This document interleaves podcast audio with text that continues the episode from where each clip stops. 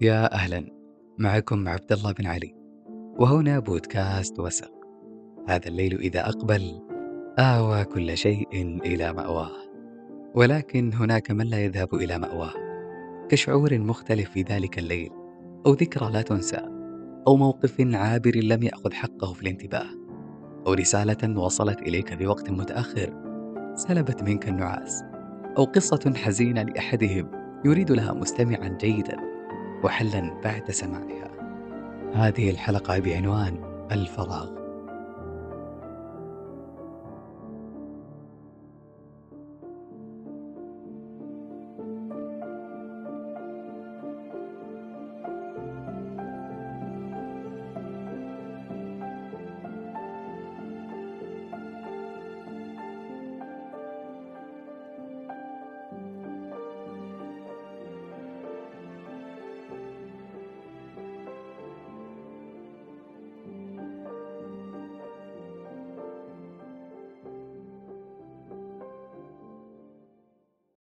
أعتقد أننا نعاني أحيانا من أوقات الفراغ وأصبح هذا الوقت يمر بدون أي فائدة على الشخص ومجرد وقت بالنسبة له ويمضي.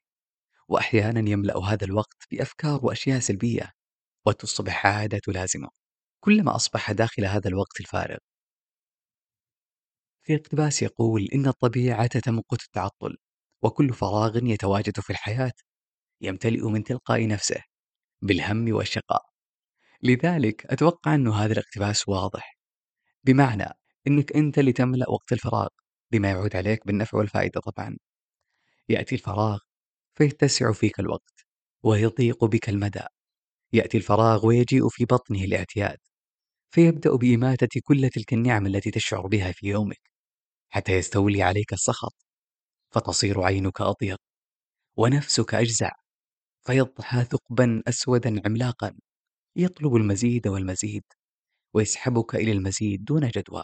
لذلك الفراغ مميت. الأشخاص الحالمين والذين يسعون لتحقيق أهدافهم وأحلامهم لابد أن يستغلوا وقت الفراغ جيدا. في حين استغلال هذا الوقت يختلف على حسب مدته وكيف أنه يعود عليك بالنفع والفائدة. في أوقات الفراغ القصيرة وهذه بالطبع عند كل شخص والأفضل أنك تستغلها بالاسترخاء لأنه وقت فراغ قصير جدا والاسترخاء يساعد على تجديد نشاط نفسك وطاقتك وترجع بأفكار جديدة ليومك وتسعى فيها وهكذا. وراح تشعر أن حياتك فيها أفكار متجددة فعلا وشعور بالحياة رائع ومختلف. أما أوقات الفراغ الطويلة وهذه هي الأهم. وقت فراغ طويل تستغلها جيدا وبشكل إيجابي النتيجة ستصبح جميلة جدا ولصالحك مستقبلا. وقت فراغ طويل لا تعلم كيف تستغله ويكون سلبي عليك النتيجة سيدمرك حتما. يقول عمر بن الخطاب رضي الله عنه إذا كان الشغل مجهدة فإن الفراغ مفسدة وقال العلماء قديما إذا ذهب يوم ذهب بعضك. وهذا دليل أن كل دقيقة تذهب هباء منثورا تذهب من عمرك. وقد صدق رسول الله صلى الله عليه وسلم حين قال نعمتان مغبون فيهما ابن آدم الصحة والفراغ. أو كما قال. دقات قلب المرء قائلة له إن الحياة دقائق وثواني. يقول قصي عاصم العسيلي على أن الإنسان أن يدرك أن أوقات الانشغال نعمة وأن التعب المثمر نعمة. وكل دقيقة تقضيها في الاشتغال على نفسك وعقلك وقلبك هي استثمار مؤجل. لو لم ترى النتائج الآن النفس تميل لراحتها ولا تعلم أنها ترتاح بالتعب. كل لحظة قراءة استعصبتها لكنك أكملت الكتاب. كل مشروع لم تتركه في المنتصف. كل فكرة عزمت على إتمامها. كل لحظة استثمرت ما فيها. كل برنامج ودورة ومحاضرة ولقاء أخذت منه حد الارتواء. كل دفتر ملأته وقلم أنهيته وكتاب قرأته وحقيبة حملتها وخطى سرتها وساعة خلوت بها. كل هذا يشهد لك. كله ذات يوم يرفعك. ولو سألتني عن وصية لسنة قادمة أقول لك لا تألف الحرام. ولا تألف الخطأ ولا تألف الفراغ. تعلم وعلم وتحرك.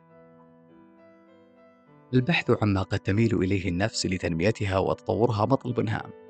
فهل تميل للقراءة أم الرياضة أم الفنون أم النشاط العلمي؟ هناك وسائل كثيرة لكسب المعرفة والمهارات المختلفة. علاوة على الترويح عن النفس وتمضية وقت الفراغ بما يعود بالنفع على صاحبه. وقف بروفيسور أمام تلاميذه ومع بعض الوسائل التعليمية.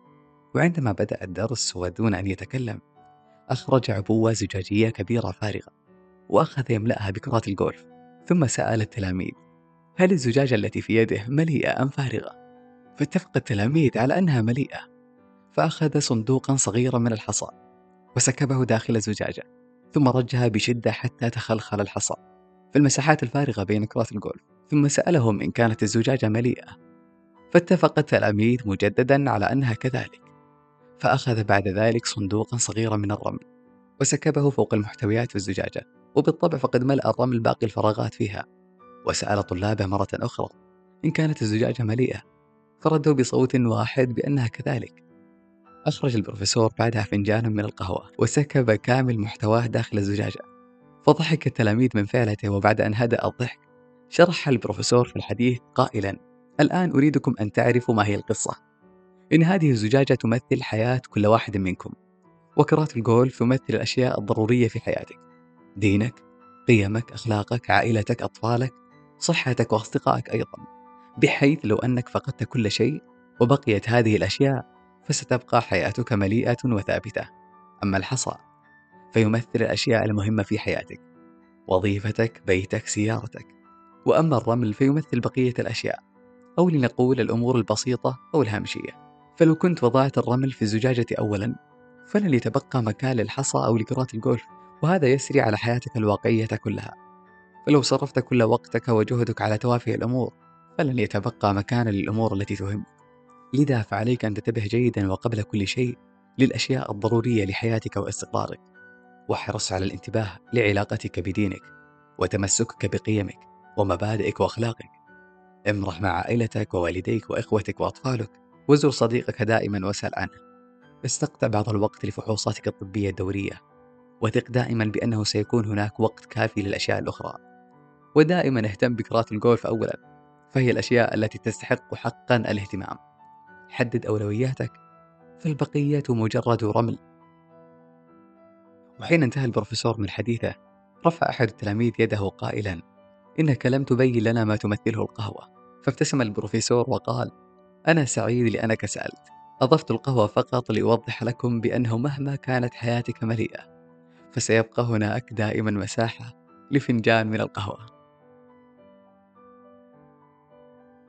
لا عليك إن مررت بلحظات فتور أو خمول ضيق أو ذبول. من الطبيعي ألا تكون دائما على نشاط مستمر ووهج لا يخفت غير أنه يجدر بك أن تكون تلك اللحظات ممر لا مستقر ونزعة عابرة لا سمة دائمة. الأسى يا صديقي أن يقرضك الله عمرا حسنا. تحفه الصحة ويملأه الفراغ. ثم تبدده في معارك هامشية وأهداف سطحية وميادين تافهة.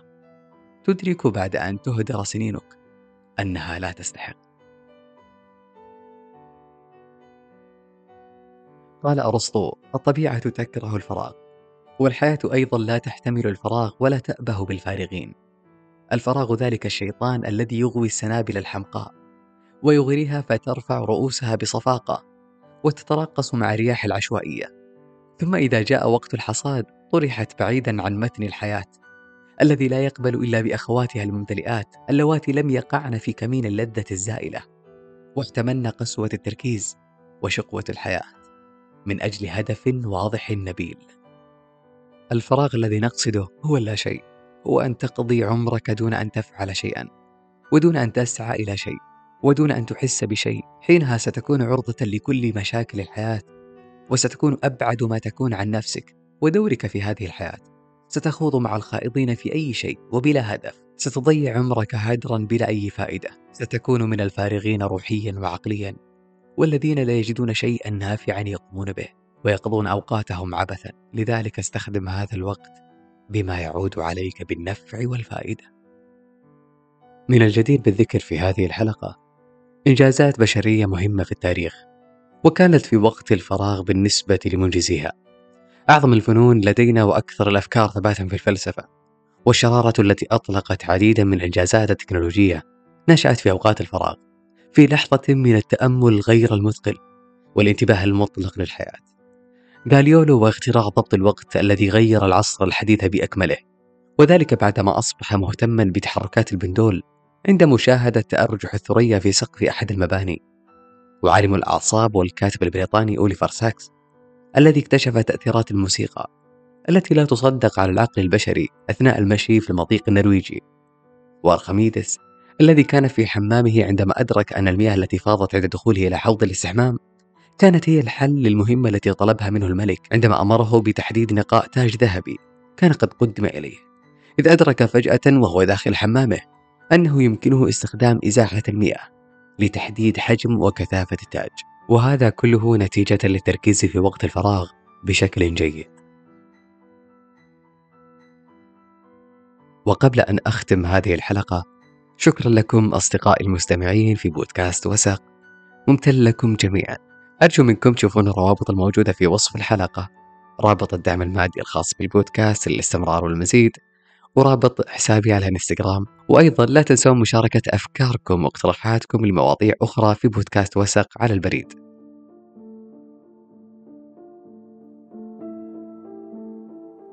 يقولون الملل يصنع المعجزات. حين نتعلم كيف نقترف من الفراغ ملء اليدين. ويقولون أيضا العمل لا يقتل مهما كان شاقا أو قاسيا لكن الفراغ يقتل حتى أنبل ما في الإنسان. وأخيرا تذكر يا صديقي عمل يجهد خير من فراغ يفسد.